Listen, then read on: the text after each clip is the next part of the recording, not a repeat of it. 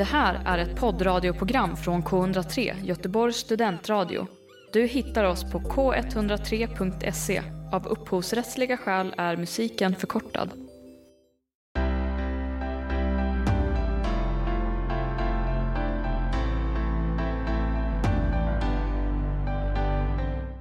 Hej Vendela! Hej Tilda! Hur är läget? Ja, det är lite kaos måste jag erkänna. Jag eh, är på väg till Åland och ska när som helst springa till bussen för att eh, åka färja över Ålands hav. Så det kan hända att eh, jag försvinner i mitten av podden. Hur är det själv? Jo, men med mig är det bra. Jag sitter ju kvar här i Göteborg, eh, tryggt och stadigt tänkte jag säga. Det, jag har också lite svajigt internet idag, eh, så att det är lite en, eh, en prövning det här, men det ska Ja, nog bra. Ja, vi ber om ursäkt. Det här blir väl lite en eh, semipodd med tanke på dålig ljudkvalitet plus stress plus ehm, ja, det kan vi berätta. Jag och Vendela flyttade faktiskt in tillsammans igår. Ja, precis. Ehm, men Jag sitter vi vår ändå nya på- lägenhet. Ja, och jag sitter eh, i en källare i Stockholm.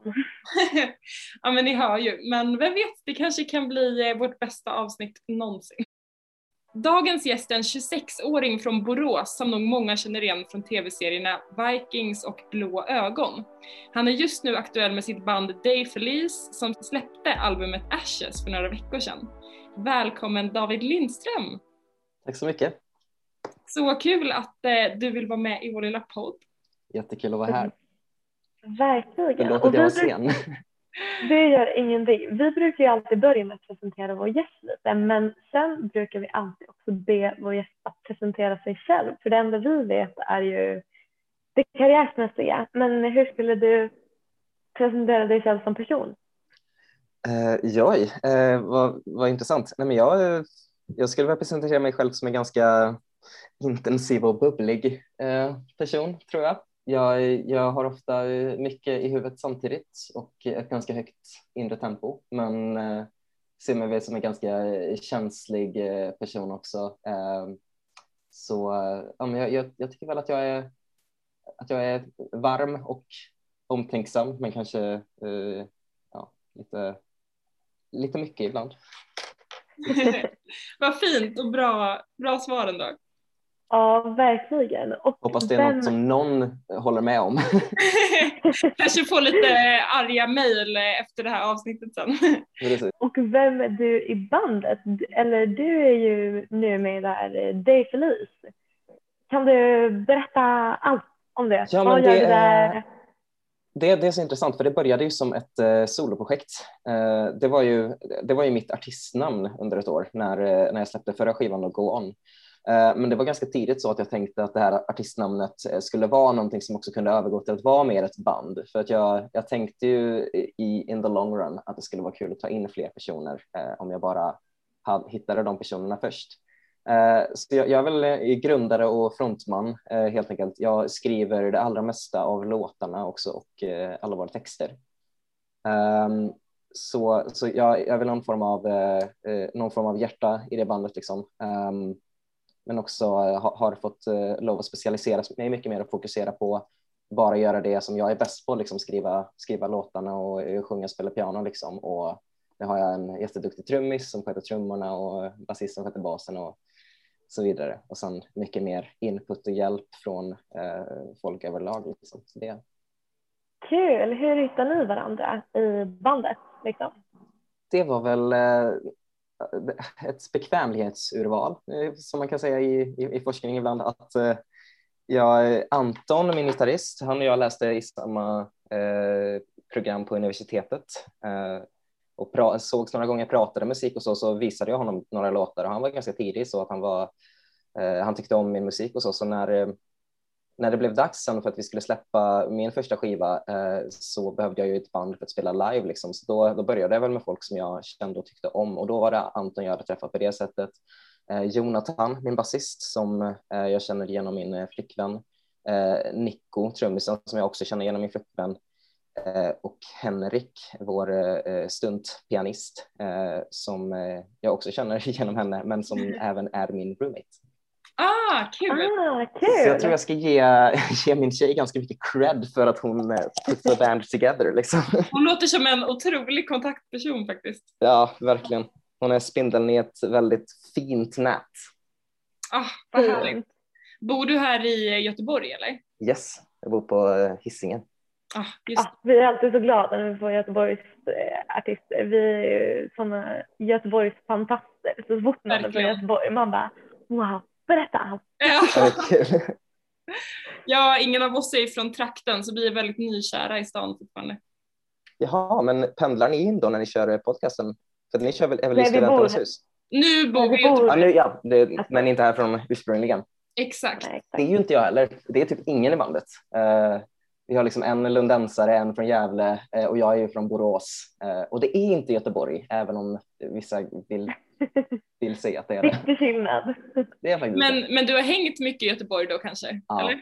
Ja. Alltså inte så mycket som man hade, alltså Borås är inte så mycket av en småstad som andra mindre städer kanske, utan man, man har inte behövt åka in så mycket för att göra allting, men det har ju, det har ju blivit så att liksom, Göteborg har varit det stället där de här lite, lite större, lite mer kulturellt bevandrade klasskompisarna alltid har, har hängt. Det har varit så liksom, det har funnits ett sånt koketterande kring, men vi drar till Göteborg den här eftermiddagen och så, så lyssnar man på Håkan på vägen liksom.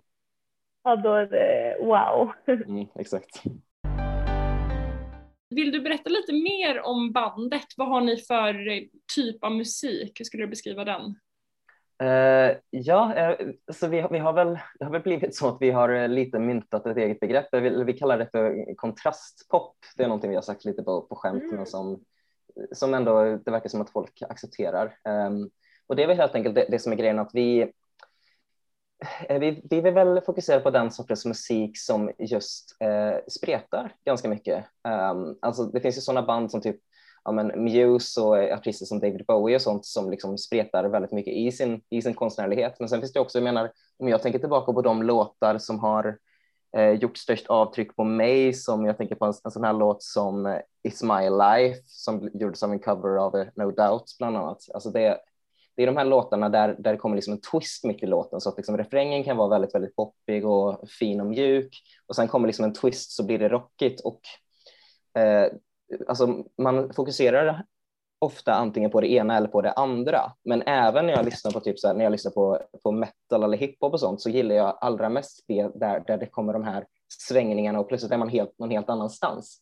Så vi, vi letar väl efter det och vi, vi, vi, vi letar väl efter ett djup. Alltså jag brukar säga det att på samma sätt som ni vet när man, när man gör en teckning så om man ska få ett djup i en teckning, då vill det till att det svarta är så svart det bara går och att det, det ljusa är liksom kritvitt. För då får man den här, att det kan nästan se blött ut, att det, att det, det ser så liksom glansigt ut.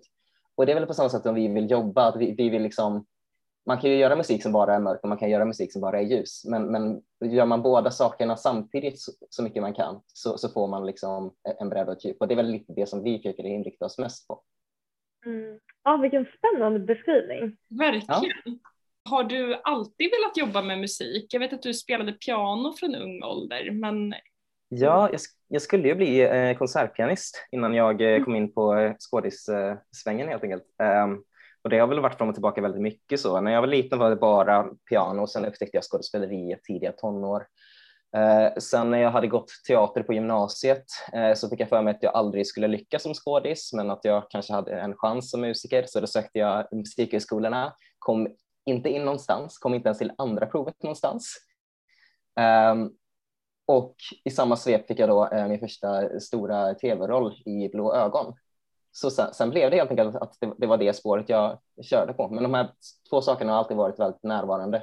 Um, så jag tror att eh, jag tror att jag inte bara vill göra det ena eller det andra. Jag tror att det är samma sak med min musik, att jag blir så himla lätt uttråkad och mätt så fort jag får så fort jag får typ en rutin eller en vardag eller någonting så vill jag göra någonting helt annat. Så då tror jag att det är viktigt att jag i alla fall har två saker att skifta mellan. Vi tänkte strax prata mer just om det här med skådespeleri. Det är jättespännande, men vi brukar alltid varva med lite låtar med de artisterna vi har med oss. Yeah. Spelar den här Are We Ever. Men först tänkte jag fråga, den handlar ju lite om det här fenomenet att känna sig lite dränerad av sociala medier. Precis. Är det liksom en personlig upplevelse eller kan du berätta lite om bakgrunden till den eh, alltså, låten? Den personliga upplevelsen är väl att eh, jag, jag gick ganska länge genom en eh, ganska svår depression eh, och då känner man ju sig ganska matt och dränerad hela tiden. Eh, men jag tror att innan jag, liksom, innan jag såg det som något problem i mig så attribuerade jag det väldigt mycket till liksom, yttre världen och försökte, försökte hitta de ställena där jag kände att min liksom, energi sögs bort. Och då vet jag att liksom det här med sociala medier och eh, den här liksom, eh, annonsekonomin på nätet, det här att folk hela, hela tiden drar i ens uppmärksamhet och man ska spendera så mycket tid man kan på att bara liksom domedagsskrolla och Eh, må dåligt. Liksom. Ehm, jag såg väl det som en ganska stor bov i, det dramat och det var också någonting där jag kände att för att det här, min, eh, mitt psykiska mående, det var ju så himla personligt, men jag tänkte att den här eh, om, om man vidgar perspektivet lite mer och tittar på det från ett strukturellt plan så tror jag att det här med eh, ja, men liksom hur, hur, hur man mår i dagens medielandskap liksom, eh, och med, med våra mobiler och alla gratisfunktioner där och så. Liksom. Eh, det tror jag är någonting som, alltså uppmärksamhetsekonomin tror jag att det vill komma ut. Eh, det tror jag är någonting som fler personer kan känna igen sig i. Mm. Absolut. Hur känner du angående det nu? Kan du fortfarande relatera till låten på samma sätt? Ja, ja, verkligen. Eh, och det är något som om jag inte hade mått dåligt av så mycket annat så hade jag garanterat mått dåligt för det där. Men det är alltså så här, jag kan inte vara så mycket på sociala medier. Jag är, jag är ganska, och det är också en sån himla grej som man säger när man vill vara duktig att jag, jag klarar inte av sociala medier. Men jag lyckas ändå ganska bra med att så här, inte vara för mycket på Facebook och Instagram för att jag mår så himla dåligt på det för att jag, jag, jag, liksom, jag känner att jag fastnar där så lätt. Jag tror mm. inte att, det är, att man mår så himla bra på det faktiskt. Ja, verkligen. Och det är någonting som de allra flesta nog kan relatera till. Det är mm. bra att får chansen att spela den låten. Så här kommer Are We Ever med Day Blue.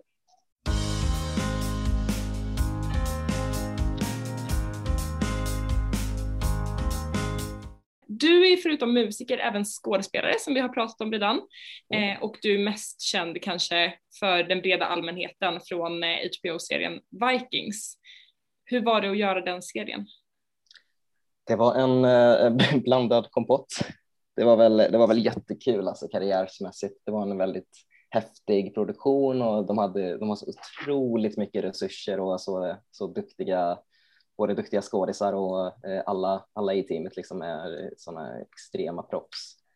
Eh, sen, sen var det, alltså jag ser tillbaka på det som en ganska svår period. Jag tror att det var mycket det där att jag var isolerad eh, i Dublin liksom och inte riktigt jag kände att jag passade in där. Och eh, ja, det, det, blev liksom, nej, nej, de gångerna då jag kände mig typ så lite, lite ensam och lite less så fanns det inte så många som jag kunde prata med där för att det var, liksom, det var bara vi som fanns där typ. Eh, sen mådde jag ganska dåligt av eh, det ena och det andra eh, eh, skälet. Liksom. Ehm, så, så, det är väldigt blandat. Frågan är om jag ser tillbaka på det som en, som en del i karriären, då är det något extremt positivt och det var också, alltså jag hade väldigt roligt med den karaktären. Ehm, när, jag liksom, när jag tänker på vad jag ville göra med Sigurd och sättet som jag ville på något sätt att han skulle han skulle vara motsatsen till det man tänker när man tänker en viking, att han skulle vara det här mer liksom mänskliga och sårbara istället för den här liksom tuffa, stora, starka björnen. Liksom. Um, jag tycker att, jag, jag, tycker att det, det var en kul spin jag på något sätt tog på det, hur mycket, hur mycket man än tycker att det syns inte. Liksom. Hur gammal var du när inspelningarna drog igång? Jag var 21 tror jag. Ja, det är ganska... Hur det var, det hade liksom balanserat musik musikkarriär och skådespelarkarriär samtidigt eller vad? Alltså jag hade ingen eh. musikkarriär att äh, snacka om äh, på den tiden. Utan det kom, ju, det kom ju när jag, långt senare när jag var väldigt färdig med Vikings. Liksom. Men, Men jag höll ju på, jag höll på med musik. Jag, alltså det var ju framförallt det sättet som jag skrev av mig och som jag på samma sätt som vissa skriver dagbok eller ringer sina föräldrar så tror jag att, att jag skriver musik när jag behöver liksom få ut någonting jag ringer mina föräldrar ibland ändå. Men, men det är liksom, liksom genom musiken som eh, tankar och känslor kommer ut? Ja, ja väldigt mycket. Ja, just det. Och så har det alltid varit, även när, jag, även när jag tänkte att det bara var någonting jag gjorde för min egen skull.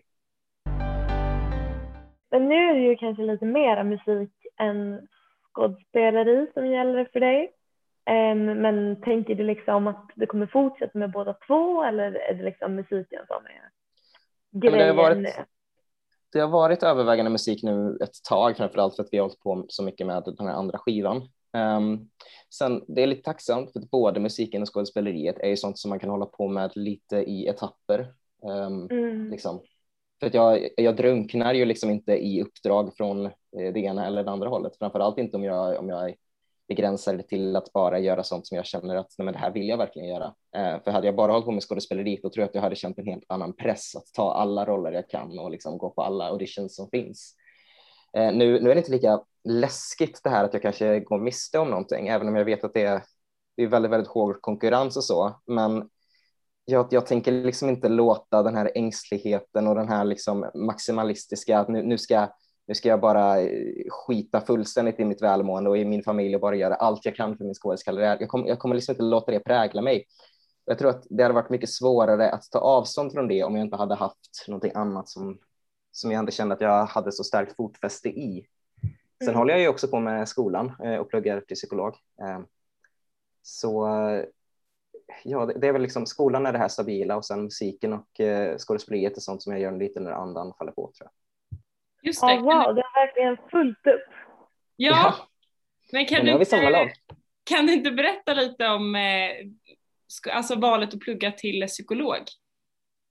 Eh, ja, alltså det var, jag satt och pratade med en psykolog här i, i Göteborg eh, och eh, pratade om så här liksom jag, jag skulle behöva någonting mer stabilt, jag skulle behöva liksom plugga någonting, alltså känna att jag lärde mig någonting som jag var intresserad av och så tittade jag på henne och bara så här, alltså finns, hur behöver man vara liksom, behöver man vara ett geni för att bli psykolog och finns det jobb liksom? Och då vet jag att hon sa nej men det funkar ju bra för mig så. eh, och, och där tror jag att det väckte någonstans och så tänkte jag på det att när jag gjorde processen på, då, på då Stadsteater eh, så den regisserades av Ragnar Wey och hon har ju läst experimentell psykologi. Och jag vet att en del av det var att vi läste en del sådana här avhandlingar om psykologi och så. Jag tyckte att det var jätte, jätteintressant och jag tänkte vad, vad användbart det måste vara i både då det här gestaltandet av eh, människor, eh, förståelsen för karaktärers motivation och deras känsloliv och sånt, men också det här när jag, när jag håller på och skriver, att skriva någonting som rör och skriva någonting som är liksom insiktsfullt, framför allt då jag fokuserar så mycket på liksom de här om en känslor och någon form av någon form av naivt eh, perspektiv från den lilla människan i den stora världen. Liksom. Där tror jag att eh, psykologisk kunskap kommer, kommer göra de texterna mycket, mycket bättre.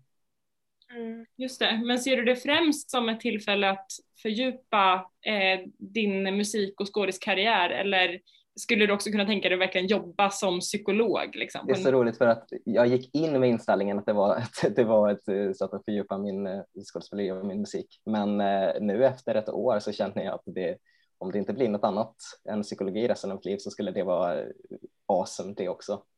Vad kul! Det är så himla Vad roligt. intressant. Ja, eh, jag kommer faktiskt att eh, lämna er nu mitt i intervjun. Ni får eh, fullfölja den eh, själva. Jag ska springa iväg så att jag hinner med min båt. Eh, det var tråkigt att här kort men det var kul att hinna vara med en stund i alla fall. Det, det var jätteroligt till att du var med ett litet tag. Spring nu så att du inte missar Ålandsfärjan. Ha det gött.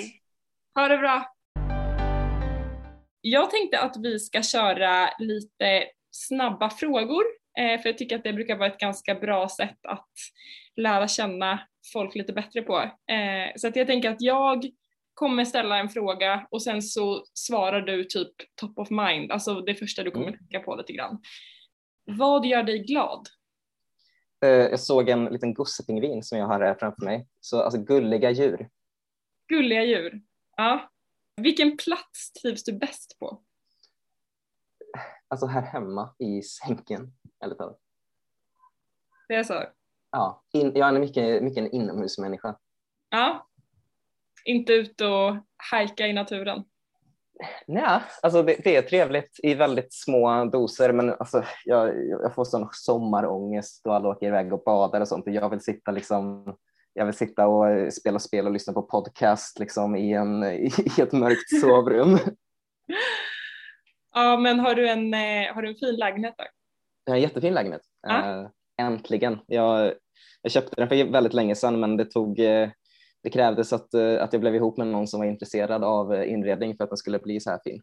Jag ser ju bara nu här i kameran att det ser jättefint ut. Men Har du sett den här väggen alltså? Alltså så vacker. Jag älskar den här väggen. Ja, ja riktigt nice. Jag förstår att du eh, gärna stannar hemma. Och... Jag, är, jag är så glad också för att jag kan inte ta så mycket cred för det. ja men det är ett bra lifehack att flytta ihop med någon som gillar inredning. Precis, och då kan jag skryta min lägenhet också men fortfarande hålla mig lite inom ramarna för jantelagen. Ja men smart. Eftersom det inte är min förtjänst. Det är Jävligt smart. um, ja, du, du har i princip svarat på nästa fråga redan då. Den var borta bäst eller hemma bäst? Hemma bäst. hemma bäst. Har du någon favoritartist? Uh, artist specifikt? Uh, oh, gud. Uh, just nu är jag väldigt inne på Billie Eilish. Mm. Hon är jättecool. Men uh, ja, overall tror jag det måste vara David Bowie.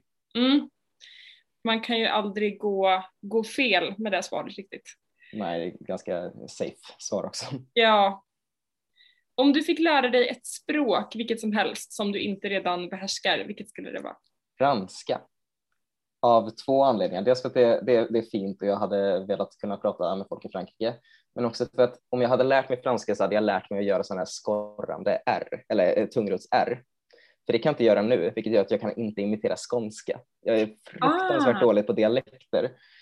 Uh, och jag tror att eftersom det är så mycket, mycket an, annorlunda ljud i franskan så ha, hade jag lärt mig det hade jag också blivit mycket, mycket bättre på uh, svenska dialekter. Okej, okay. ja det kan jag tänka mig kan vara nyttigt då som skådespelare. Ja, det är, det är en sån kunskapslucka där som är, alltså det gapar, det är ett hål. Det är så? Shit. Ja. Solsemester eller vandringsresa? Mm. Alltså jag gillar ju inte solen. Okay. Men jag gillar ju solsemester i det att det ofta är att man får typ bo på ett fint hotell eh, och ligga och släppa. Liksom. Mm. Uh, och jag gillar ju typ att gå ut så här, på sommarnätter och festa och sånt. Så, alltså, så här, solsemestern, fast bara kvällsdelarna av det tror jag vinner.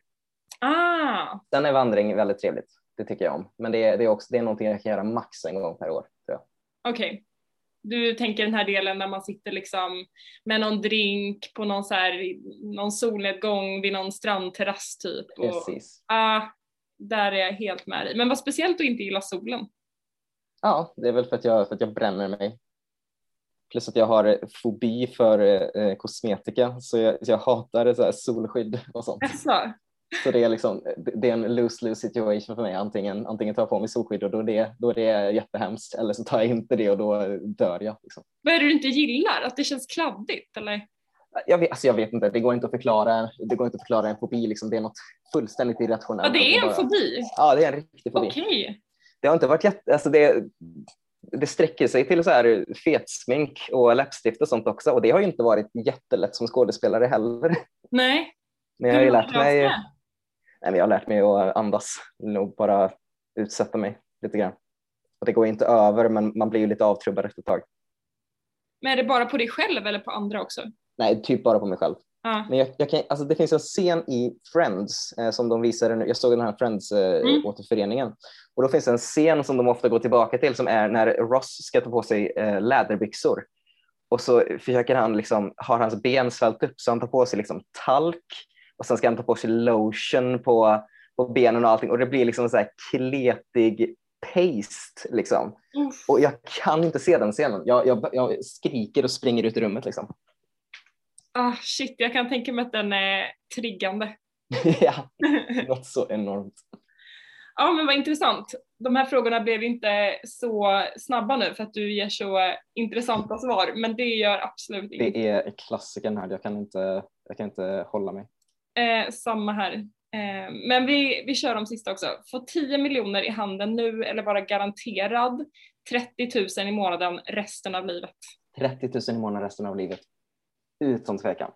Berätta. Nej men alltså det, det, här, alltså det här att inte behöva bry sig om sin försörjning. Det finns ju, för alltså jag behöver inte vara rik, jag behöver inte en massa prylar. Men det är att aldrig behöva tänka, ja men nu ska jag tjäna pengar. Att bara så här liksom, okej, okay, jag, jag, kan liksom, jag, kan syssla med, jag kan syssla med musik, jag behöver inte tänka på min pension, jag behöver liksom inte ja, nej men det, det, det, väger upp totalt. Sen kanske jag ska räkna på det, för det kan ju vara så att 10 miljoner i handen nu är mer än 30 000 i månaden under ett väsentligt antal år framåt. Mm. Så frågan är då, 10 miljoner i handen nu, vad händer om man sätter dem i en fond och sen bara tar ut lite, alltså jag låter så jävla tråkig. Nej. Men just den, just den här tryggheten. För att frågan är väl egentligen, skulle jag vilja, skulle jag vilja liksom bränna massa pengar och göra någonting stort och extravagant nu? Och ja, men kanske en skiva till, kanske en så här riktigt fet skiva med massa musikvideor och liksom så här åtta olika producenter per varje låt och sånt. Liksom. Men jag vet inte hur mycket bättre det hade varit. Um, men istället bara det här att aldrig behöva fundera på pengar framöver.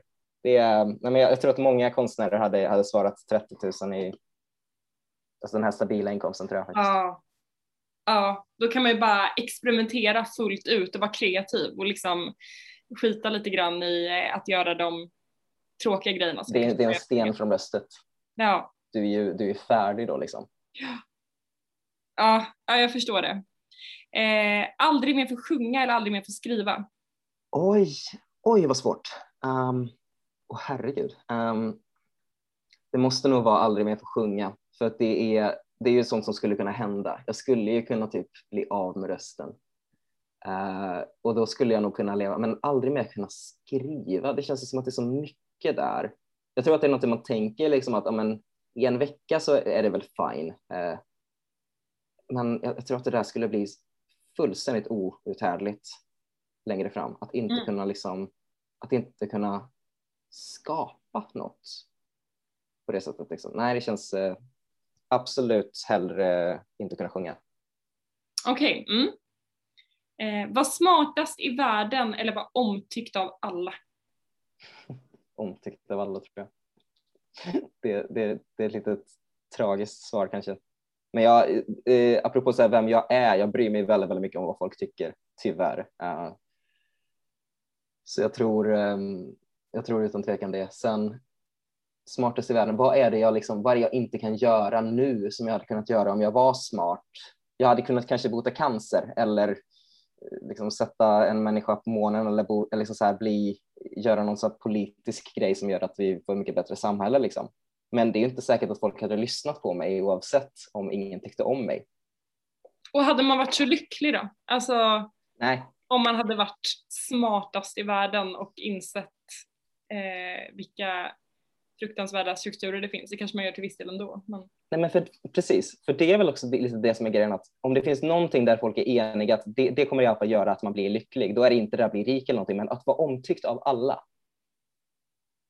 vad är liksom nackdelen? Skulle det vara att man, man får någon så sjuk press till att eh, tillfredsställa alla eller så? För att problemet är ju om, om man värdesätter att vara omtyckt av alla, då vill man ju hela tiden göra alla till lags. Men om jag vet att eh, någon, liksom, någon har trollat så alla tycker om mig oavsett, då behöver jag inte tillfredsställa folk heller. Liksom. Ja. Frågan är, hade, hade man, hade man liksom blivit psykopat då? Kanske, tvärtom. Att man skulle bara utnyttja det till max och typ vara en gris istället.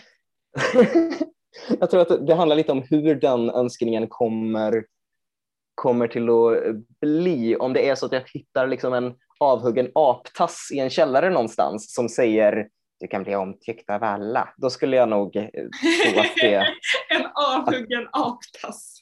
Det skulle jag nog tro att det var, att det var ganska farligt. Men eh, om jag kunde liksom så här rädda en valp från en brinnande byggnad samtidigt som alla världens medier bevakar det ah. och blir omtyckta av alla liksom på det sättet, då, då skulle det nog vara ganska eh, riskfritt tror jag. Ja. Eh, sista snabba frågan då. När känner du dig som mest autentisk eller som dig själv? Mm. Jag känner mig ofta eh, väldigt autentisk på gott och ont faktiskt. Så jag funderar på om jag kan komma fram till svaret genom att tänka på när jag känner mig minst autentisk. Mm. Eh, och det är väl i sådana sammanhang där jag känner att jag behöver göra ett bra intryck. Men alltså här och nu känner jag mig autentisk så det är Mm. inte så här, det är inte att jag känner mig fake så fort jag ställs i ett intervjusammanhang. Men när känner jag mig mest autentisk? Det är väl, det är väl bara när jag är hemma och med, eh, med min eh, sambo liksom, Mm. antar jag. Eh, Men generellt sett så, så känner jag mig väldigt sällan eh, fake. Och det, det är någonting som jag är väldigt glad för. Att jag, att jag, att jag på något sätt inte att jag inte behöver brottas med det, att jag, att jag inte känner mig på riktigt. Det kanske är sådana såna funderingar som kommer ju, alltså så här, om jag hade varit mycket mer offentlig än jag hade varit eller så, så hade det förmodligen varit ett problem att mycket mer av det som jag hade sagt hade varit liksom i ett sånt där me- större mediasammanhang och sånt och då hade man känt att folk hade haft en bild av en som verkligen inte stämmer, alltså som var liksom editerad. Mm. Då tror jag man hade känt sig fake på ett sätt. Jag vet inte om det ens var svar på frågan, men Jo, det tycker jag. Det är väl jätteskönt att känna sig eh, autentisk så ofta som möjligt. Helst vill man göra det hela tiden. det kan ju också vara dålig självinsikt. Ja, det är sånt trend man känner. Hoppas det.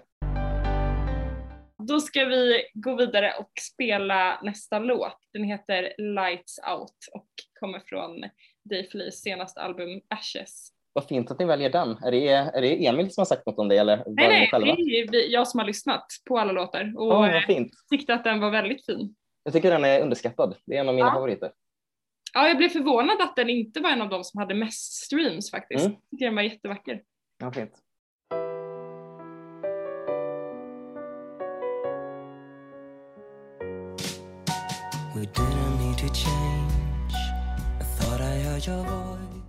Jag har läst att ni har inspirerats lite av ja, men, artister som Muse, Coldplay eh, och textmässigt lite Rufus eh, Wainwright.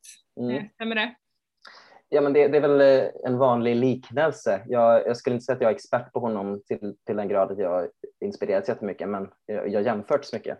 Mm.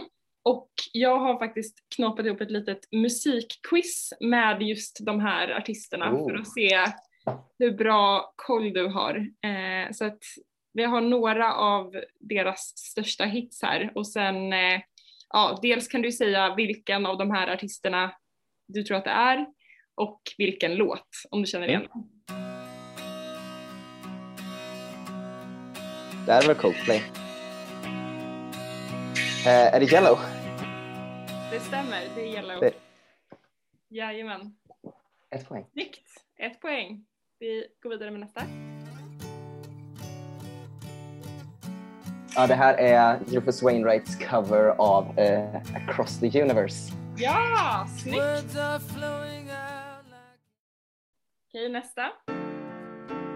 come up to meet you. Ja, eh, The Scientist, Coldplay. Vad snabb du är. ja, men det, det är sådana här låtar, det krävs inte så mycket. Nej, det är sant, men jag kan tycka att det är väldigt svårt. Alltså även om jag kan en låt utan och innan, så att när jag väl ställs i ett quizsammanhang så blir det som att det är någon låsning liksom. Ja, det här är Unintended av eh, Muse. Jajamän! Väldigt fin låt, också lite underskattad tycker jag. Ja, håller med. Det är Älskar sånt den som jag, som jag tänker skulle kunna ha en bredare publik, men eftersom det är från en så obskyr skiva så Ja. eh, har den flugit under radarn. Eh, Going to a town, Rufus Wainwright. Ja, Ja. Jag är imponerad. ja, två kvar. Vi river av dem direkt också. yes. Supermassive Black Hole av Muse. En av historiens bästa danslåtar. Alltså som andra låt på skivan där, eller tredje låt på sk- tror jag det är, efter Stardust. Den är, uff. sättet som den kommer in och bara, jag tror att den följer Stardust som en sån här superfin, poppig, eh, poppig eh, glittrig Ja. dänga liksom. Så kommer den in där och bara sparkar in dörren bara. Titta, det här är vi och vi har läder på oss. Liksom. Otroligt. Okej, sista.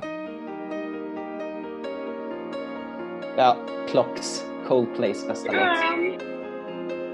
Nej, gud, det där var ju, alltså det är inte sju poäng, det där är fan hundra poäng. Så jäkla snabb.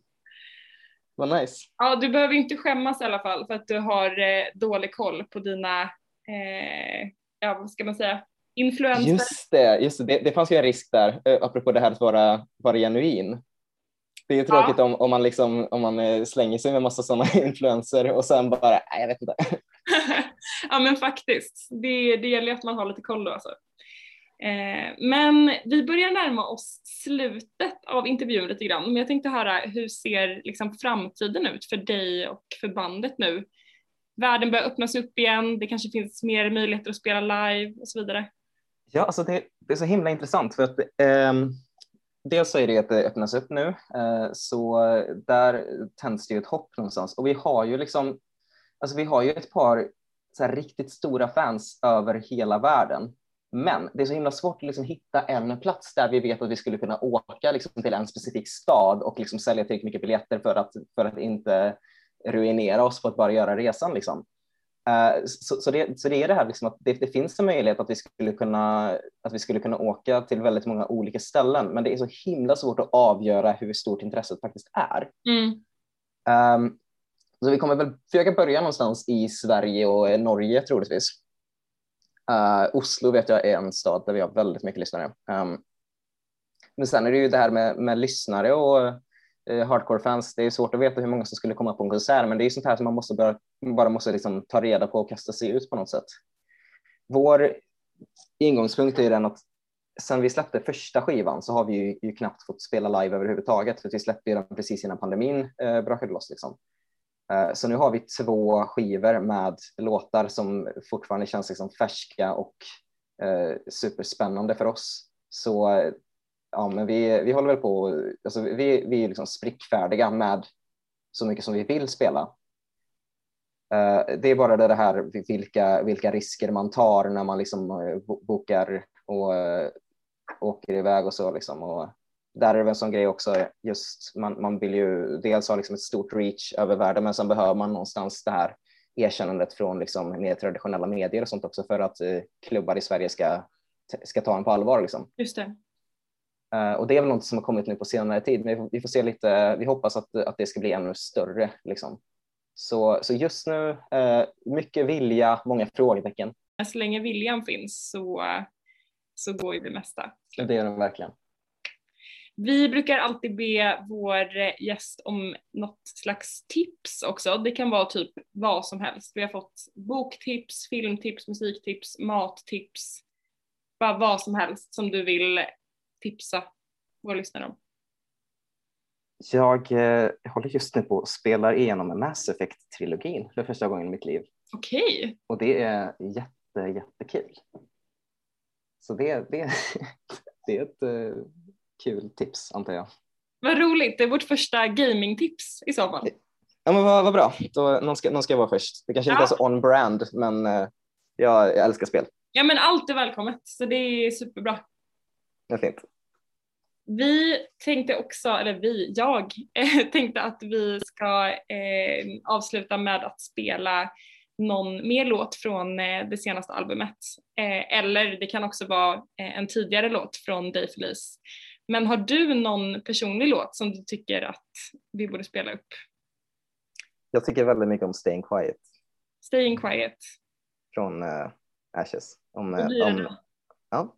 Tack så jättemycket David för att du eh, ville vara med. Det men tack själv, det var roligt. lite speciellt den här veckan men det var så himla kul att få snacka med dig i alla fall. Jag känner att jag kommer in med lite speciell energi här också med, med den dagen jag haft. Så... Jag förstår det. Alltså, ja, så det, det, passar nog. Man är alltid helt bränd i hjärnan efter att ha haft liksom, prov och examination och allt vad det är. Verkligen. Ah. Men, men det var härligt att göra en sån här grej. Det var väldigt kul och trevligt. Ja, detsamma. Du får ha det så bra nu så ska det bli spännande att höra mer från er i framtiden.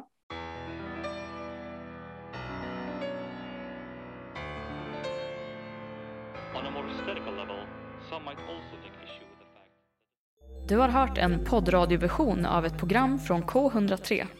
Alla våra program hittar du på k103.se.